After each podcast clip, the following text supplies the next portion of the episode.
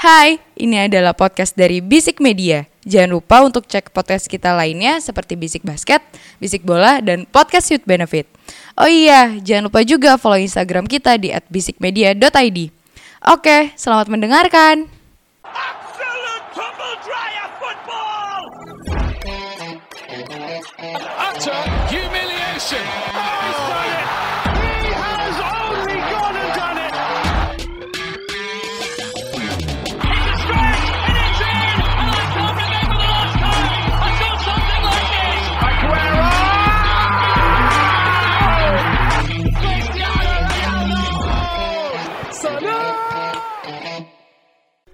Bisik bola. Ya oke, selamat datang di Bisik Bola. Usah salam-salam, lo udah terkenal juga. Anjay, anjay, anjay, anjay. Dengar kabar kan box to box sudah bangkrut, nggak canda. Sedap, sedap. Ya tetap with your host Imo di sini ya. Kita formasinya setengah aja. Iya, dari empat jadi dua ya. Yes, bentar lagi sendiri. Enggak, bentar lagi kita berdua aja bang. Ya jadinya eh, English Talk ya. Selamat datang di podcast MU pembenci Real Madrid nggak canda ya. Podcast Premier League. Betul, betul ya. Oke, minggu ini akhirnya sepak bola Eropa bergulir lagi. Yoi. Mungkin untuk opening, eh, I want to congratulate buat Pedri bang, udah menang Woi, Golden Boy Golden Award. Boy. Ya, ih, openingnya cukup bagus juga. Bagus, bagus. Tapi menurut sedikit nih bang ya, pantas nggak Pedri sih buat dapetin Golden Boy ini? Karena kan kita melihat banyak sekali Golden Award kecuali Renato Sanchez ya, Hmm. itu kan memang eh, berkembang dan emang terkenal gitu loh. Jangan akhirnya. lupakan Anderson. Oh iya menang ya, Betul. 2008 Betul. ya. Emang betul. emang rata-rata yang menang Golden Boy itu ya tuanya gitu lah. ya, Anderson dan Renato Sanchez Betul. ya kan. Sisanya bagus loh. Kun Bagus. Aguero, Lionel Messi, Wayne Rooney, Betul. eh, Mbappe, Oh Erling iya, Braut Haaland. Emang rising star, tapi sekarang Pedri yang dapat. Ya pada akhirnya yang eh, kerja paksa dan kerja rodi dibayar dengan sepadan lah ya. Sepakat sekali dengan kalimat Sepadan kerja sekali dari Euro tiba-tiba ikut Olimpiade, lanjut lagi di Barca jadi starting. Ya Sampai dibayar akhirnya cedera ya. akhirnya cedera tapi ya dibayar dengan sepadan lah dapat Golden Boy. Ya benar. dan dia juga secara permainan bagus juga sih. Karena emang lihat pesaing-pesaingnya Mbappe itu udah gak masuk Golden Boy lagi. Jude Bellingham ya? Jude Bellingham, eh, dia sama kayaknya lagi Jamal Musiala deh. setahu Ya gue. iya Musiala, Iya ah, kan? Jamie Musiala. Dan emang cuma Pedri yang stand out gitu loh. Jude Betul. Bellingham ya dipanggil timnas Inggris tapi nggak starting. Mm-mm. Inggris pun semifinal ya gara-gara Sancho, eh, Rashford dan Saka gagal tendangan penalti itu di final ya. Dan kalau lihat Italia pun juga Italia ketika juara Euro nggak ada yang muda kan di skuadnya. Betul. Chiesa udah bukan golden boy gitu kan. Udah 24 ke atas lah. Iya, udah senior lah ya kan. Betul. Dan emang cuma Pedri gitu salah-satunya. Dan Jamie Musiala juga ya Jerman juga ya gitu-gitu aja. Kemarin juga bahkan di Euro juga dia belum main, baru sekarang-sekarang maksudnya baru ya kualifikasi sama persahabatan yang sekarang-sekarang doang sih. Euro kan masih ada, selalu di Jerman tuh timnasnya masih ada yang bagus itu kayak Havertz namanya. Oh, saya pikir Gundogan. Gak sekalian Sami Khedira. Emre Oke. Can. Jadi congratulations buat Pedri. Ya kan kita kan langsung bahas ke Eropa. Hmm. Nggak aci kalau kita nggak ngebahas gelaran sepak bola terbesar di Eropa, Betul. yaitu Euro Conference League. Loh. Tottenham kalah. Tottenham kalah. Iya, ya kan. Lawan tim murah. itu bener. si mahal alias. Saya pikir itu tim Jepang loh. Miura, ternyata murah namanya ya. Oh, bacanya Miura. Enggak, ternyata putusannya murah kan. Oh. Saya pikir Miura. Aduh. kok Jepang main di Conference League? Oh, ternyata salah. Dan negara kontes statement bahwa memang saya sud- eh, saya di awal masuk saya tidak bisa komentar apa pun tentang tim ini. Tapi ternyata memang tim ini secara kualitas jauh dari standar tim yang pernah saya latih. Jauh. Tengah Anda dulu masih ada Pirlo, Marcisio, sama Pogba. Sekarang tengah Anda Minimal di Chelsea Jas Fabregas, Iya. N'Golo Kante. Sekarang Anda Hoiberg, Hoiberg. Dele Ali kan. Itu dan negara kontes statement bahwa memang kekalahan ini cukup tamparan besar sih buat Antonio Conte. Ya lawan anjing itu bahkan tim yang kan gua lumayan ket- banyak ketemu tim-tim anta berantah di M88 kan. Baik. Saya sama sekali tidak pernah tahu murah itu dari bahkan negara gua nggak- dari mana sih negaranya? Ah, Slovenia nggak salah. Oh, Slovenia. Oh iya, en- Eropa-Eropa sana lah. Eropa Timur lah ya, Iya. standar. Settingan-settingan ini aduh, aduh, aduh, aduh. katanya. Oke. Tapi emang kalau bicara Conference League ya harus Ini beneran mau conference league-nya tuh mau bahasnya? Enggak, Oh enggak, enggak. bridging-bridging ya. bridging. pelan-pelan. Oke oke sorry sorry sorry sorry kaget Ya gue. kan. Nah, kalau bahas Europa League nggak usah lah. MU udah ada di Champion jadi nggak usah bahas Conference League. Ya by the way kalau untuk di Europa League ya selamat datang Dortmund lah ya. Betul. Dan Barca udah ini kayaknya udah mulai pendaftaran ya. OTW OTW. Udah OTW. Karena kemarin Barca terbantai eh, seri lebih tepat ya sama Benfica. Ya ibarat anak sekolah lagi nyari link buat beli kursi lah dia nih si Barca. Enggak lu bayangin Barca nih ibaratnya dari SD percontohan bang. Jadi ke SD, percontohan. kampung. Bang. Nah bener. Ngapain beli kursi? Tapi bang, menurut lo Safi ini kan match perdana Safi ya di Champions League Champions ya. menghadapi Benfica. Ekspektasi semua orang tinggi bahwa Safi digadang-gadang punya misi besar mengembalikan kejayaan Barcelona. Tapi harus tertahan di Benfica. Ada komentar nggak bang? Gue nggak nggak terlalu merhatiin sih kemarin Barca lawan Benfica. Cuman gue nggak gue juga nggak ngeliat dari segi starting line up dari segi formasi. Ya mungkin masih apa ya eh, warming up lah mungkin. Ibaratnya Xavi dari yang pemain-pemain Timur Tengah tiba-tiba harus ngelatih ke Spanyol walaupun tim walaupun tim lamanya ya cuman kan pemain yang masih sering main sama dia dulu kan ya udah veteran-veteran kan ya Ada Alves. Pique betul Balik lagi. Gue masih nggak ngerti lo itu transfer asli apa maksudnya dibalikin lagi tuh Dani Alves anjing Saya masih bingung. nggak sekalian apa ini Alves? panggil lagi tuh si Henrik Larsson kek atau siapa Abidal masih suruh main lagi Udah sembuh. udah Bilal sembuh. tapi kan mau cerai Soalnya kan digosip. julid ya mau cerai Kalau bicara setting line up Bang Agus, eh, sebenarnya memang kemarin yang dikritik adalah menyandingkannya Nico Gonzalez dan Gavi. Oke. Yang digadang-gadang adalah the next Busquets dan Savi. Hmm. PT kan Iniesta. Oke betul. Ya kan? Ka- Kedua pemain ini beberapa pandit mengatakan terlalu dini untuk dimainkan di gelaran sepak bola Champions sebesar League. ini. Hmm. Apalagi dengan harapan Barcelona harus menang sebenarnya lawan Benfica. Karena la- last match-nya Bayern Munchen. Ya. Dan dia harus menang bahkan ya dia lawan Bayern Munchen ini. Karena di Benfica-nya seri. Betul. Kalau kemarin di Benfica-nya menang 6 poin 9 poin masih bisa jaga asa buat ke Champions League. Hmm. Tapi seri. Seri. Sehingga cuma punya 7 poin. Hmm. Ya kan? Dan ya memang kemarin Nico Gonzalez sama Gavi ternyata sering banget jatuh. Apalagi mengandalkan Memphis Depay. Ya apalagi Kun Aguero juga ya masih ada desas dia pensiun. Udah pensiun, Bang. Udah dipastikan udah, pensiun. udah udah retirement. Oh, Udah dilarang sama dokter Argen dokter timnas Argentina sama Barca dikonfirmasi Aguero udah nggak boleh lagi main. Loh, Luke De Jong kok nggak main? Pelatihnya udah bukan Oh, iya. Kuman dong. Udah nggak bisa KKN lagi ya. ya, ya kan. Cuman ya dibalik itu sebenarnya Barcelona, gue masih menantikan eh, Xavi. Ya kalau untuk yang kemarin emang mungkin lagi apa saja sih Xavi harus ketika dia kembali ke Barca harus menjaga asa Barca untuk bisa lolos ke knockout eh, Champions League gitu. Cuman kita kan pengen lihat ke depannya nih Xavi bakal berbuat apa gitu. Apalagi dia sudah bilang bakal memberdayakan uh, La Masia-nya kan dan Ya. dibuktikan kemarin di lini tengahnya udah diisi sama Nico sama si Gavi. uh, Gavi gitu. Kita lihat aja seberapa jauh nanti Xavi bisa maju gitu loh. Makanya gue udah pernah bilang di beberapa episode, Barca nggak usah ngincar juara lah 2-3 tahun ini udah Stabil buat dulu. stabil dan dari segi manajemen dan dari segi uh, permainannya harus distabilin dulu barulah bisa bicara soal gelar gitu. Tapi kalau bicara permainan, memang eh, dari match lawan Espanyol, gue kayak pro banget ya kan. Ngikutin banget nih La Liga. Si suka La Liga. Si suka La Liga. Tapi karena menarik, Safi itu kan dapat dikatakan dia fans Johan Cruyff, Ya. merasakan dilatih Pep, Pep. bahkan di, dimatengin sama Pep, disempurnakan Enrique, dan ketika Barca menuju Ernesto Valverde dia pensiun. ya. Beruntungnya Safi tidak merasakan era kehancuran itu. ya kan. Dan makanya dapat dikatakan untuk Tiki Taka, Safi ini boleh dibilang sempurna secara teori. Secara teori. Ya, kalau kita tarik pengalaman pribadi saya dengan Frank Lampard sempurna kurang sempurna apa? Hmm. Ranieri, Mourinho merasakan semua pelatih kelas bintang, tapi ngelatihnya enggak bintang, ya kan? Tetap Iya. Lampard adalah legend sebagai pemain. Bukan, Bukan sebagai sebagai pelatih. Tapi memang eh, beberapa media juga bilang Safi ini diberikan eh, target sama Laporta itu bukan untuk glory dulu, Juara ya. tapi harus qualify Betul. di Champions League, Hmm. ya kan? Dan eh, memang udah selesai Januari. Lihat kemarin ketika gebrakan Safi memecat seluruh tim medis Barcelona. Karena ada kecurigaan kok cederanya otot terus. Oh iya. Iya. Iya iya iya iya. Masa sih seorang eh, emang Osman Dembel rentan cedera ketika di Dortmund. Tapi kok tiap musim Iya. itu yang bikin Safi curiga.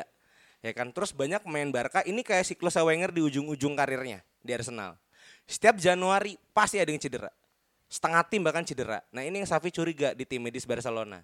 Bahkan sampai pihak Liga Spanyol itu makan mengaudit seluruh tim medis dari tim Spanyol. Madrid banyak yang gendut Betul. ya kan? Apa yang salah gitu kan? ATM kemarin kalah lawan Milan itu karena timnya terlalu fatigue, terlalu capek. Bahkan dikritik sama Suarez, gue gak kuat nih sama modulnya Simeone.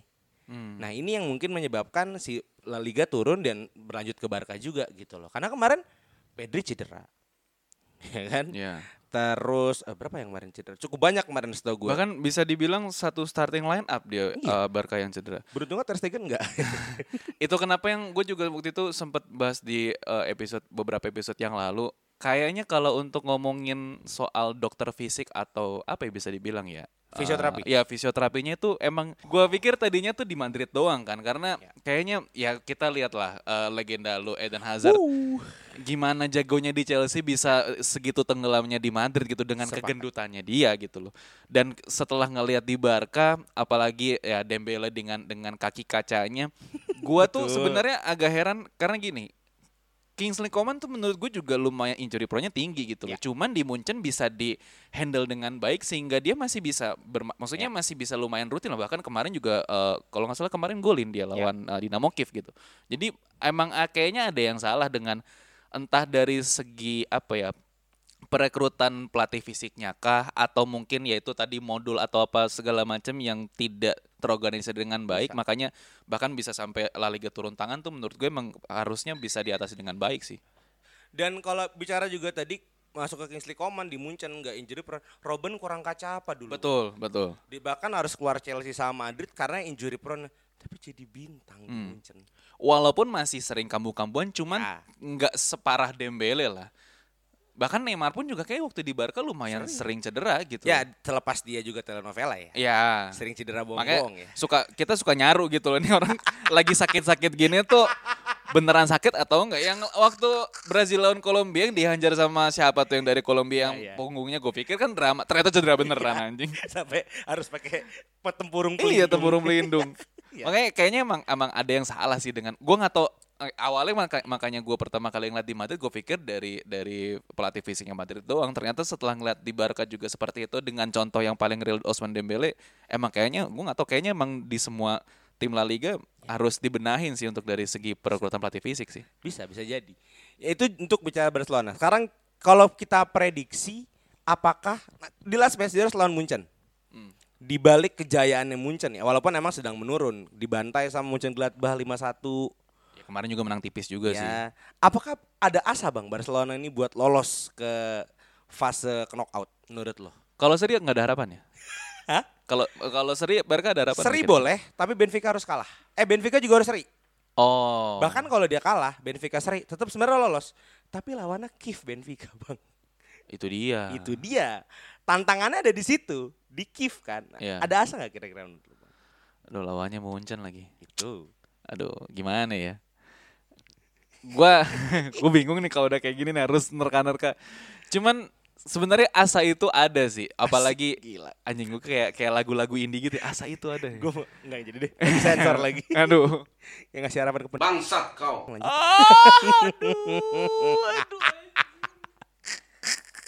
itu betul tapi kok gelap ya. iya, iya, ntar di tit ya. Cuman eh entah mungkin nanti Munchen bakal main agak kendor biar bisa membantu Barca untuk bisa lolos atau ada keajaiban Benfica dikalahin sama Kiev. Gue nggak ngerti sih cuman gue masih mengharapkan Barca untuk lolos sih. Setidaknya bisa jadi pembuktian Xavi untuk ya walaupun dengan kondisi tim yang seperti itu finansial eh, dari segi pembelian pemain sekacrut itu waktu zaman sebelum-sebelumnya ya ini bisa jadi pembuktiannya Xavi sih. Ya siapa tahu kan kayak kisahnya Tuchel habis ngeganti habis diganti ke Tuchel langsung bisa juara Champions kan gak ada yang tahu. Bisa. Bisa juga dilakuin sama MU kan. ganti-ganti pelatih lagi di tengah-tengah kayak gini tuh ada aja enaknya gitu loh. Siapa tahu siapa tahu kan. Saya pengama- pernah mengalami juara dengan pelatih interim. Dua kali ya. Dua kali. Dua kali. Iya kan? Yang ini kan di- eh, maksudnya yang terakhir ini mungkin jatuhnya bukan interim lah ya. Cuman, Awalnya inval. Iya, infal. Dilanjutin. Dilanjutin. Iya. Kalau yang sebelumnya kan yang di juara pertama di tahun 2012 i- emang pure Total interim infal. eh, kan. Sebenarnya dilanjutin bang.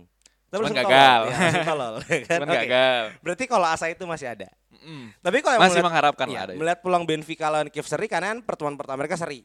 Sebenarnya Hmm. pertemuan mereka pertama seri. Tapi kayak Benfica bakal ngotot sih menurut gue. Bakal Ap- ngotot buat lolos. Apalagi mungkin gue nggak tahu sih ya sejarahnya Benfica di Liga Champions. Cuman ya dengan dia ibaratnya di awal musim agak berat karena harus melawan Barca dengan Munchen. Uh, terus tiba-tiba di per- perjalanannya Barca uh, sorry Benfica bisa ngalahin Barca 3-0 dia kan masih mengharapkan asa itu untuk bisa lolos gitu walaupun kita nggak tahu nanti lawannya di knockout itu siapa cuman kan ini udah satu-satunya harapan gitu makanya mungkin Benfica bakal bisa habis-habisan sih lawan Kiev Kemungkinan besar sih ya. Gue pengen lihatnya Barca main di Europa League sih. iya ya kayaknya Seru. gue gue pengen gitu ngeliat yang tim-tim gede ya kalau MU kan emang bukan tim gede lagi kan jadi Dulu. udah dulu, ya 2013 lah. ya mentoknya di situ lah cuman setelah ke sini sini kan ya udah ngeliat di Europa League udah standar lah Ya. gitu kalau udah masuk Conference League kelewatan baru ya kan eh kalau emang ayam sayur kan emang udah cocok lah di situ Ya. kan harus di situ aja udah Mungkin itu permainannya Levi ya buat bikin eh, kasta ketiga betul Eropa. betul betul Kita bungkus untuk bicara Barcelona. ya Kita ke bicara tim favorit bisik bola yang kemarin pelatihnya sudah diganti oleh legendanya juga Michael Carrick. Kita bicara Manchester United. aduh Kita bicara matchnya dulu, baru kita bicara berita besarnya. Kemarin Michael Carrick akhirnya ada di pinggir lapangan menggantikan Ole Gunnar Solskjaer. betul Kemenangan pertama buat Carrick. Lawan Villarreal. hmm. Any tough? Gak ada yang berubah sebenarnya Aduh bener lagi. Gak ada yang berubah Asli Bedanya cuman Hoki aja bisa clean sheet Betul. Hoki aja bisa clean sheet Dan ya Lumayan gembar-gembornya kan Karena Sancho perdana golin ya Oh kan? iya. Sancho pertama golin Akhirnya buka puasa. Dan harus dibuka dulu sama CR Ya. Makanya nggak nggak ada perubahan sih sebenarnya kalau menurut gua. Cuman ya sebenarnya ada angin segar sih mungkin dengan digantinya Solskjaer ke Carrick. Makanya gue tuh tadinya pengen pengennya sih sebagai fans MU, gue pengen ngelihat at least dia lah yang jadi pelatih interim sampai di akhir musim gitu loh. Pengen tahu aja karena kan ya gue sering beberapa kali juga sering ngomong di podcast ini kalau gue tuh suka sama pelatih yang tipikalnya emang dia ketika dia jadi pemain tuh dia berasal dari pemain tengah khususnya DMF gitu Ya, loh ya. karena dia punya dari ketika dia main di lapangan tuh secara visi itu luas gitu loh dan dia bisa ibaratnya dia jadi porosnya gitu dia bisa ngeliat ke segala penjuru gitu loh ya untuk di aplikasikan sebagai pelatih itu kayaknya dia bisa bisa explore lebih jauh gitu loh makanya ya walaupun dengan masuknya ya ini gue masuk ke peng- Oh. masuk ke Ralf Rangnick ya ada seneng dan ada apa ya bisa dibilang nggak terlalu senengnya juga sih nggak terlalu senengnya karena dia kan udah beberapa berapa tahun ya dia nggak Dua tahun. dua tahun ya 2 sampai 3 tahun. Dan sebenarnya juga yang dilatih juga nggak tim-tim yang besar gitu walaupun sangat harus diakui dia sebagai bapak bukan bikin pressing lah ya bapak eh, Sepak bola modern bahkan lo bang. apa Sepak bola modern. Iya, bapak sepak bola sepak bola modern lah bisa dibilang dia gurunya Tuchel, gurunya Klopp, Hasan Rattel, Nagelsmann. Uh gila keren-keren semua itu. Itu pelatih Jerman yang udah bisa ber apa ya berprestasi di luar walaupun Hasan belum belum terlalu kelihatan Itu sih. siapa sih pelatih siapa? Soton kalau nggak salah. Southampton. Southampton. Hmm. Oke. Emang setelah datang Agus Piltak. Aduh. Gila. Agus kalau ngomongin Jerman sebut semua yang langsung gokil emang. Emang inilah fans-fans dari eh, Schalke ya. Aduh. Di Liga Judi lanjut. Aduh. ya itu sih gue pengen ya ibarat gue sering ngeliat kata-kata tuh kayak ya tim-tim lain nge apa nge hire murid-muridnya MU dong nge hire gurunya aduh Udah pernah katro katro Udah pernah sih. Udah pernah. makanya ya karena dia yang tadi gue bilang karena dia udah nggak ngelatih dua tahun kayak emang dia lebih banyak di balik layar lah bisa dibilang di manajemen eh, di manajerial. Gue nggak terlalu tahu sih secara taktik dan permainannya dia tuh seperti apa sampai dia bisa dibilang bapak sepak bola modern di Jerman gitu loh. Cuman kalau tadi gue sempat baca-baca dikit sebenarnya karakternya Rangnick ini kan emang dia lumayan apa ya bisa dikatakan ngandelin eh, serangan balik dan Ya. pressing yang cukup tinggi gitu loh. Walaupun di pressing yang di garis ke- eh, gawang lawan tuh menurut gua nggak terlalu ketat lah. Dia baru agak ketat itu ketika udah masuk ke tengah lapangan gitu loh. Gua nggak tahu apakah ini cocok eh, dengan MU, apalagi dengan eh, kualitas pemain-pemainnya MU ya patut dicoba juga sih untuk eh, strategi yang seperti itu kan eh, karena untuk dari pressing pressing itu kan sebenarnya sudah sempat dicoba ketika Van Hal sama Mourinho ngelatih kan untuk pressing pressing yang lumayan tinggi gitu loh makanya kita kita lihat aja Ralf eh, Ralf Rangnick sampai mana nantinya gitu loh pak dan sebenarnya yang gue demen itu adalah ketika eh, Ralf Rangnick ini masuk ke MU adalah dia setelah pelatih inter 6 bulan ini dia kan jadi bagian dari manajerial juga di Iya, MU betul. 2 Sepakat. tahun Sepakat. Eh, sebagai konsultan klub kan. Ini sebenarnya yang gua karena kan ya kita tahu manajemennya MU kan ya segitu kacrutnya kan. Oh sangat bagus. sangat The best board in the world. gue kehabisan kata-kata lah untuk si Ede kayu apa ya Ward apa ya gue lupa Ed Woodward itu lah gue gak ngerti makanya dengan masuknya Ragnik tuh menurut gue lumayan jadi oase lah untuk MU dari segi eh, perekrutan mungkin nantinya jadi pelatih ke depannya atau pemain-pemainnya atau dari bahkan bisa untuk apa pemberdayaan dari pemain-pemain mudanya kan udah lama banget kita nggak ngeliat pemain MU yang dari eh, akademi yang bisa masuk ke tim utama terakhir mungkin ya Rashford, Tomine, Greenwood, belum ada lagi gitu loh. Bahkan Tahi Chong udah ke mana tahu, Sudah tidak ada Angel Gomez. sudah nggak Gomez udah, ke mana tahu. Makanya udah udah udah udah nggak tahu lagi lah itu yang pemain-pemain akademinya. Makanya dengan adanya Ragnik menurut gue bisa jadi harapan lah buat pemain-pemain akademinya MU untuk bisa masuk ke tim utama. Tapi kayak seru sih kalau tiba-tiba MU ganti nama jadi Red Bull Manchester. ya.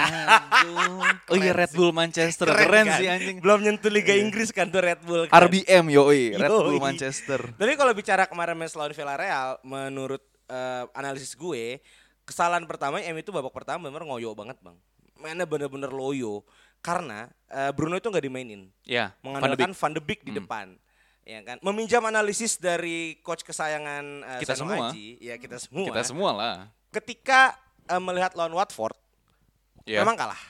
Tapi ketika Van de Beek disandingkan dengan Bruno, itu ada perbedaan permainan. Van de Beek itu memang seorang passer, tapi nggak bisa passing buat serang.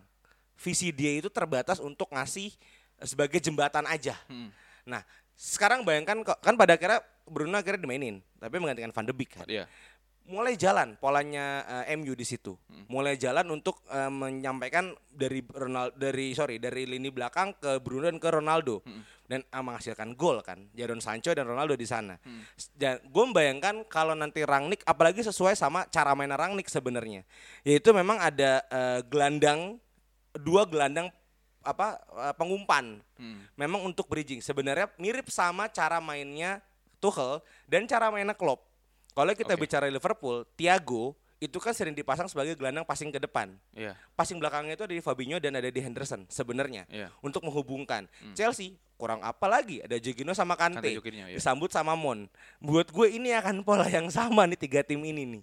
Ya kan dan bahkan buat gue Carrick kemarin Carrick itu nggak ada bedanya sama Ole. Iya, nggak ada Ya kan? bedanya Nggak ada bedanya. sekali. Memang Villarreal ketololan kemarin kan. Ya. Tapi tololnya Villarreal aja, DG masih bikin tiga save. Berarti kan ada tiga serangan ke arah gawang MU kan.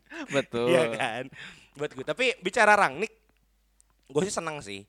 Eh, eh, walaupun ya kita saya turut sedih ketika oleh dipecat karena akhirnya buat kontender juara nambah lagi MU masuk ke kontender lagi tahun depan. Iya lagi, gue sebagai fans MU aja ada sedihnya sebenarnya Solskjaer Solskjaer dipecat. Karena kan icon, untuk kita bisa rame untuk di bisik bola itu kan karena Yes. bahas oleh. Kalau nggak ada oleh, muka oleh di poster rame. rame. Siapa lagi yang harus kita ramein? Masa Yes. Allegri? Aduh, tidak perlu. Serie A pun jatuh ya kan.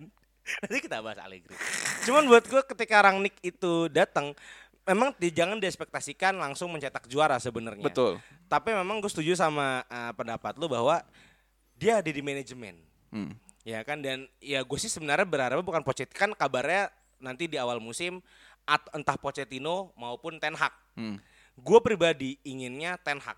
Karena kenapa? Bang, Ajax ini kan terkenal dengan tambal sulam squad kan. Ya betul. Ditinggal Ziyech muncul namanya Anthony, muncul namanya Muhammad Kudus. Aduh, Muhammad Kudus Iya, lagi Muhammad kan. Kudus.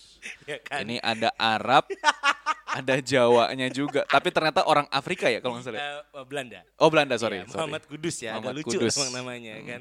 Dan sekarang lihat MU ya mungkin secara keuangan punya, tapi kan juga butuh pembibit pembibitan usia muda. Hmm. Ten Hag sekarang menemukan Anthony, menemukan Muhammad Kudus, Gravenberg, dan jangan lupa Sebastian Haller yang kembali ke performa. 9 gol loh bang, top Sembilan skor. ya.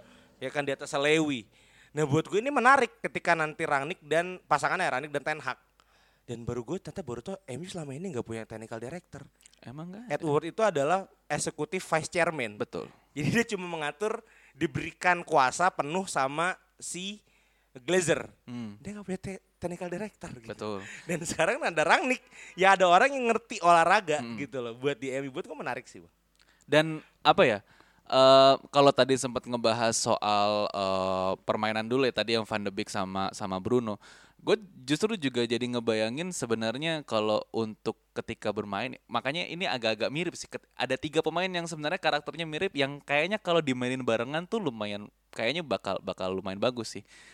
Gue ngebayangin Van de Beek walaupun ya, walaupun nggak terlalu apa ya secara defensif nggak terlalu gimana-gimana banget tapi Van de Beek sebenarnya bisa di posisi sebagai DMF dan eh, double pivotnya tuh gue tadi mikirnya ya Van de Beek sama Pogba eh, IMF-nya tetap si Bruno Fernandes gitu loh.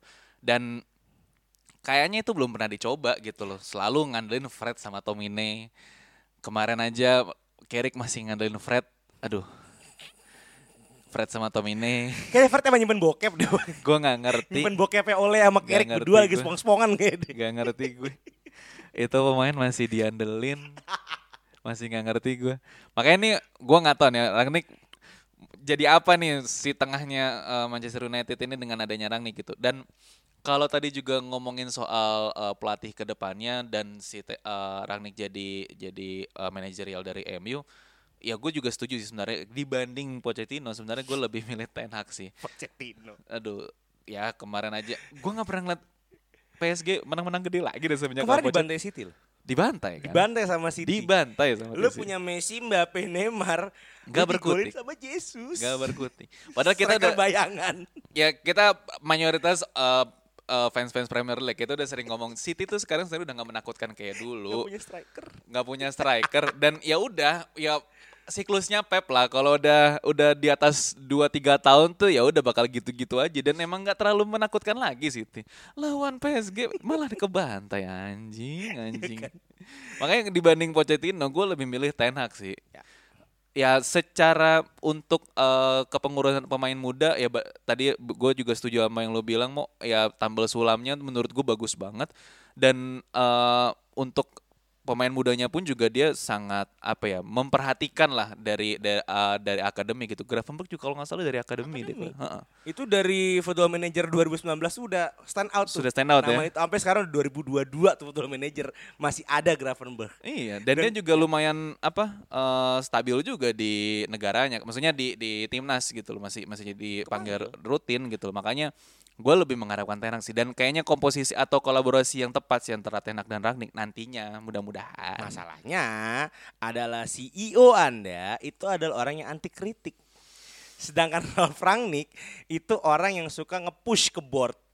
Apakah akan awet kerja sama ini bang? Ya kan darah Jerman.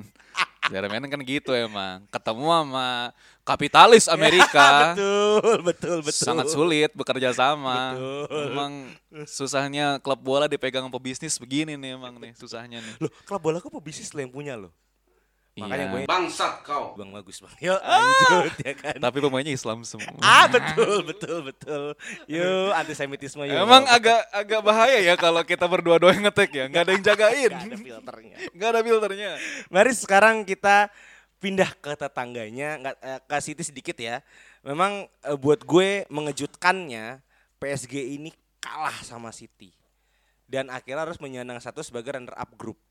Tapi udah pasti runner Udah up lah pasti ya, lolos, pasti lolos. ya kan. Tapi runner up grup.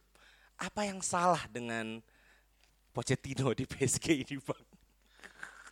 Kalau ngomong soal seriusnya ya, kayaknya kita juga pernah bahas lah di beberapa episode yang lalu bareng Panji sama Aji juga. Emang kalau udah pelatih terus megang tim yang semuanya bintang, emang untuk yang di- bukan yang jadi masalah tuh bukan ngelatih secara fisik, taktik atau skill, ego udah. Iya Kalau menurut gue, udah ke situ. Locker roomnya menurut gue yang udah salah gitu. memang tantangan sih megang sebujurnya kalau bicara orang selalu menyalahkan ini pasti gara-gara ada Messi. Tapi kalau gue liat Messi di PSG, egonya nggak setinggi itu. Iya. Jangan lupa dia pernah disuruh Marquinhos tiduran buat free itu. Seorang Messi yang udah bawa Ballon d'Or berapa kali Iya. disuruh ngerebah sama Marquinhos. Ini lucu sih. kurang ngajar apa coba? Iya kan? Gua jadi inget sama pertandingannya. Kemarin Tottenham lawan siapa yang di Premier League ya? Lupa gua. Pokoknya dia di babak pertama tuh kosong kosong gue nggak tahu gimana pep talknya gue nggak tahu gimana situasi di locker roomnya gimana secara statistik pun juga berbeda jauh banget antara babak pertama dan babak kedua itu yang mungkin menurut gue kurang dari Pochettino gitu loh Oke. situasi locker roomnya yang bisa ngerubah keadaan Ya, gitu loh. ya, ya. Ya itu yang, lu bicara Konde kemarin nebok-nebokin orang di locker room lah ya. aduh itu gue nggak tahu ya Yes. siapa yang jadi korban ya. Iya. Makanya kan di setelah pertandingan kan waktu dia gue lupa lawan siapa ya, lawan Leeds kalau nggak Iya, salah. iya. Abis abis selesai pertandingan ada videonya tuh dia saking senangnya tuh sampai dipeluk satu-satu dan pemainnya pun juga seneng kayak kayak lo abis diomelin senior lah gitu. Iya, loh. aduh. Udah muka-muka Eh, tertekan. lu dulu. Ah, bawa-bawa itu lagi. Oke, ya berarti emang eh, ini PR besar buat Pochettino apalagi kan dia harus menjual diri dalam tanda kutip ya ke MU untuk bisa direkrut. Hmm. Sedangkan hasil negatif seperti ini ya cukup bisa menjadi catatan gitu loh. Sedangkan Ten Hag ya kalau bicara tender ya Ten Hag lagi bagus-bagusan nih kan. Aduh. Strik kemenangan, strik cetak rekor Sebastian Haller dengan kondisi dipretelin pemainnya kan sebelumnya. Iya, Jadi benar. buat gue ya potensi tertinggi Ten Hag cuman MU kalau bicara klausul Ten Hag murah 12 juta. MU bisa bayar buat Ten Hag. Hmm. Betul. Cuman masalah Ten Hag mau apa enggak itu, Itu doang dia. ya. Oke, sekarang kita bicara tentang kebahagiaan saya melihat Darul Kopham. Setelah sekian tahun jadi fan Chelsea selalu tanya mana pemain akademi lo, mana pemain akademi lo. Kemarin membantai timnya Massimo Allegri dengan 4-0 di mana tiga golnya adalah pemain Darul Kopham dan satu gol adalah striker terbaik di dunia ini. Kita bicara Chelsea melawan Juventus. Yang Lu dulu deh, Pak. Yang lucu adalah ketika golnya Werner itu tipikal apa bola yang datang operannya tuh sebenarnya tipikal Werner bakal bakal blunder gitu loh karena antara bolanya ke atas atau nyamping ke samping ternyata malah gol gitu loh. Gue yakin Odoy bang, pas ngeliat ah gue gak nyampe lagi bolanya Werner lagi. Gol- eh gol anjing gitu. Oh, udahlah 3-0 aja lah ya gitu kayaknya udah udah mikir gitu kayaknya pemain Chelsea eh ternyata golin. Bener sih. Balik lagi kalau ngomongin soal eh, akademinya Chelsea ini gue ya udah berapa tahun nih kita udah nggak ngeliat eh, pemain-pemain dari akademi Chelsea yang Mohon maaf, terakhir John Terry. Oh, jauh ya, ya ampun. Itu John Terry udah habis itu nggak ada Lampard lagi. bukan akademi Chelsea ya, dia Betul, West Ham. transfer dari West Ham. Hmm. Terakhir tuh John Terry. John Terry. Itu akademi terakhir yang dipunya Chelsea setelah eranya ya Mason Mount. Sekarang Ya, nih kan, Mason Mount, angkatan ya, Darul ya. Kopham nih kalau gue bilang nih kan. Darul. Gua, awalnya tadi sebelum ngetek gue nanya lagi Darul tuh apa, gue saking nggak ngertinya. Oh Ah, ternyata sekolah. Oke oke. Sekolah Kopham. Gue mungkin mulai ya bang. Ah. Kalau melihat kemarin Chelsea lawan Juventus, memang tajuknya adalah balas dendam. Karena kan dipermalukan di Allianz Arena 2-0. Sampai-sampai kan si Allegri sempet eh, ngasih Ya. statement kan uh, Chesney apalah pokoknya bahas-bahas Ya. Chesney lah Lu langsung dibobol empat mampus. Empat kan. Tapi kalau yang bicara permainan, Juventus nggak main buruk Hmm. menurut gue. Memang ada kesalahan Sesni di gol yang di gol kedua yang golnya si Rhys James. James, iya. Itu harusnya bisa ditangkap sama Sesni, tapi loss. Hmm. Mungkin visinya kehalang sama uh, Cielini kalau nggak salah. Iya, Ya secara kan? se- waktu tayangan ulang pun tadi gue sempat nonton emang ada sedikit apa ya? Ya kalang sih bener sih sama Hmm. sama sama backnya Juventus kan sih. Cielini gede kan. Betul. Kalangan. Betul. Ah, ngalangin lu. Akhirnya Rhys James golin. Tapi yang gue sangat senang eh, ya Jung Kalobah.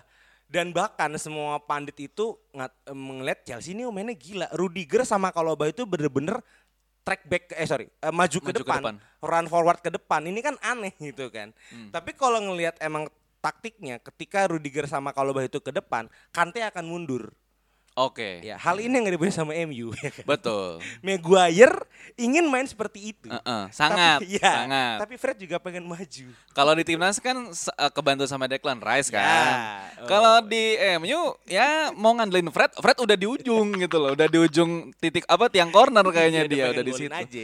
Bahkan ya tadi kalau lu ngomongin eh, kalau bahasa sama Rudiger eh, maju ke depan banget. Pertama eh kalau golin ya Hmm. kan. Itu udah sangat ngebuktiin banget produktifnya eh, backnya Chelsea. Bahkan tadi lu juga sempat cerita scorer. top skornya Chelsea se- semua kompetisi Rhys James gitu. James. Ke mana Keduanya, itu Werner? Marcos Alonso. Ah, kiri kanan kan Iya, cocok banget. betul. Mana itu Lukaku, mana itu Werner? Cedera. Dan yang yang yang bagusnya lagi, gue lupa kalau nggak salah golnya Odoi deh. Awalnya tuh dari Rudiger. Ya. Rudiger Rudiger, yang tuh udah di tengah nyet. Back tengah udah udah di situ gitu loh. Saking tingginya uh, pressingnya Chelsea Iya. gitu loh. Dan menurut gue itu bagus banget sih itu pemain tengah bisa sampai situ emang Tuchel jago sih menurut gue. Ya itu yang dipuji. Sama yang satu lagi dipuji adalah Chilwell ini kan sempat mati suri. Hmm. Posisi kiri Chelsea selalu sama Marcos Alonso. Entah kenapa tiga match terakhir Tuchel mempercayakan ke Chilwell lagi. Dan kemarin terbukti gitu loh, rapih banget. Mungkin ya nggak ada Panji ya, sayang Panji nggak bisa ditelepon ya. Hmm. Mungkin ini adalah duet yang mengalahkan Robo dengan Trent Alexander-Arnold sih. Aduh. Iya kan? Karena serapih itu. Match kemarin ya, gue cuma Match bicara kemarin, match iya. kemarin. Match sebelumnya nggak serapih, tapi rapih banget gimana caranya Chilwell itu bisa nahan setengah lapangan, James yang maju. Kalau Chilwell yang maju, James tahan setengah lapangan. Bener-bener ngeliat tren sama Robo ketika Liverpool juara pada waktu Hmm. itu. Main seperti ini dan yang ngeliat ya satu lagi emang satu guru kan. Ini Ya. emang emang taktika Rangnick yang diturunin kedua orang ini gitu loh. Serapi ini gitu loh men bang. Dan menurut gue juga pinternya Tuchel, gue rasa sih sebenarnya antara uh, Alonso sama Chilwell emang part of rotasi aja sih. Alonso zaman Lampard mati, Mati. ya kan? Kepa zaman Lampard mati, semuanya hidup lagi sama Tuchel, betul. ya kan? Disebut kepa lagi. Loh, uh, Kepa beberapa kali menyelamatkan Anda loh di penalti. Betul. Super apa Super Cup siapa lagi kalau bukan Ya. yang nyelamatin Kepa? Tapi lebih jago kembaran di Bali United bang. Aduh, siapa Nadeo. namanya? Nadeo. itu lebih jago. Nggak, itu menurut gua jadi semua lini tuh baik itu yang utama atau yang cadangannya menurut gua sama bagusnya gitu loh. Ya, ya itu tadi ya Kepa, Chilwell dengan Alonso mungkin ya eh, bahkan Love to Cheek aja kemarin juga bisa segitu jagonya gitu loh. Dihidupin. Dihidupin lagi sama Betul. Tuchel. Jadi ya menu, ini ini yang gue bilang di awal musim nih ngerinya Tuchel tuh ya kayak gini. Ini yang gue takutin nih. Gue gua nggak kaget sih kalau Chelsea juara Premier League dan akan melihat selama satu musim ke depannya lagi lu akan sombong-sombong ria. Back to back champion gak itu? ah,